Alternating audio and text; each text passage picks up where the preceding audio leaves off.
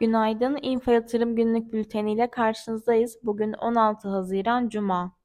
BIST endeksi haftanın dördüncü işlem gününü %2,51 oranında yükselişle 5495 seviyesinden tamamladı.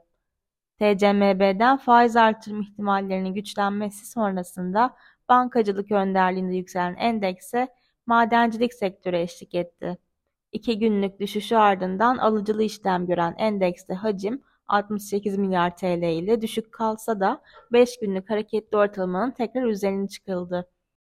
Hazine ve Maliye Bakanı Mehmet Şimşek'in TÜSİAD ve bankalarla bugün görüşme yapması beklenirken, görüşme gerçekleşmesi durumunda piyasalar Şimşek'ten mesajlar arayacak.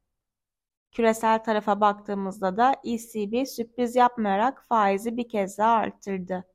Son 8 toplantıdır faiz artırımına giden ECB, dün 25 bas puanlık arttırımla birlikte mevduat faizini son 22 yılın en yüksek seviyesi olan %3,5'a çekti.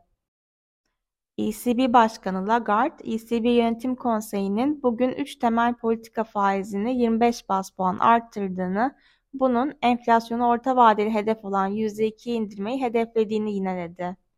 ECB'nin enflasyona karşı işlerinin bitmediğini belirten Lagarde, bankanın ana faiz oranlarının enflasyonun %2'lik orta vadeli hedefine zamanda geri dönmesini sağlamak için yeterince kısıtlayıcı seviyeleri getireceğini ve gerektiği sürece bu seviyelerde tutulacağını vurguladı. Lagarde faiz artırımlarına devam mesajı verdi.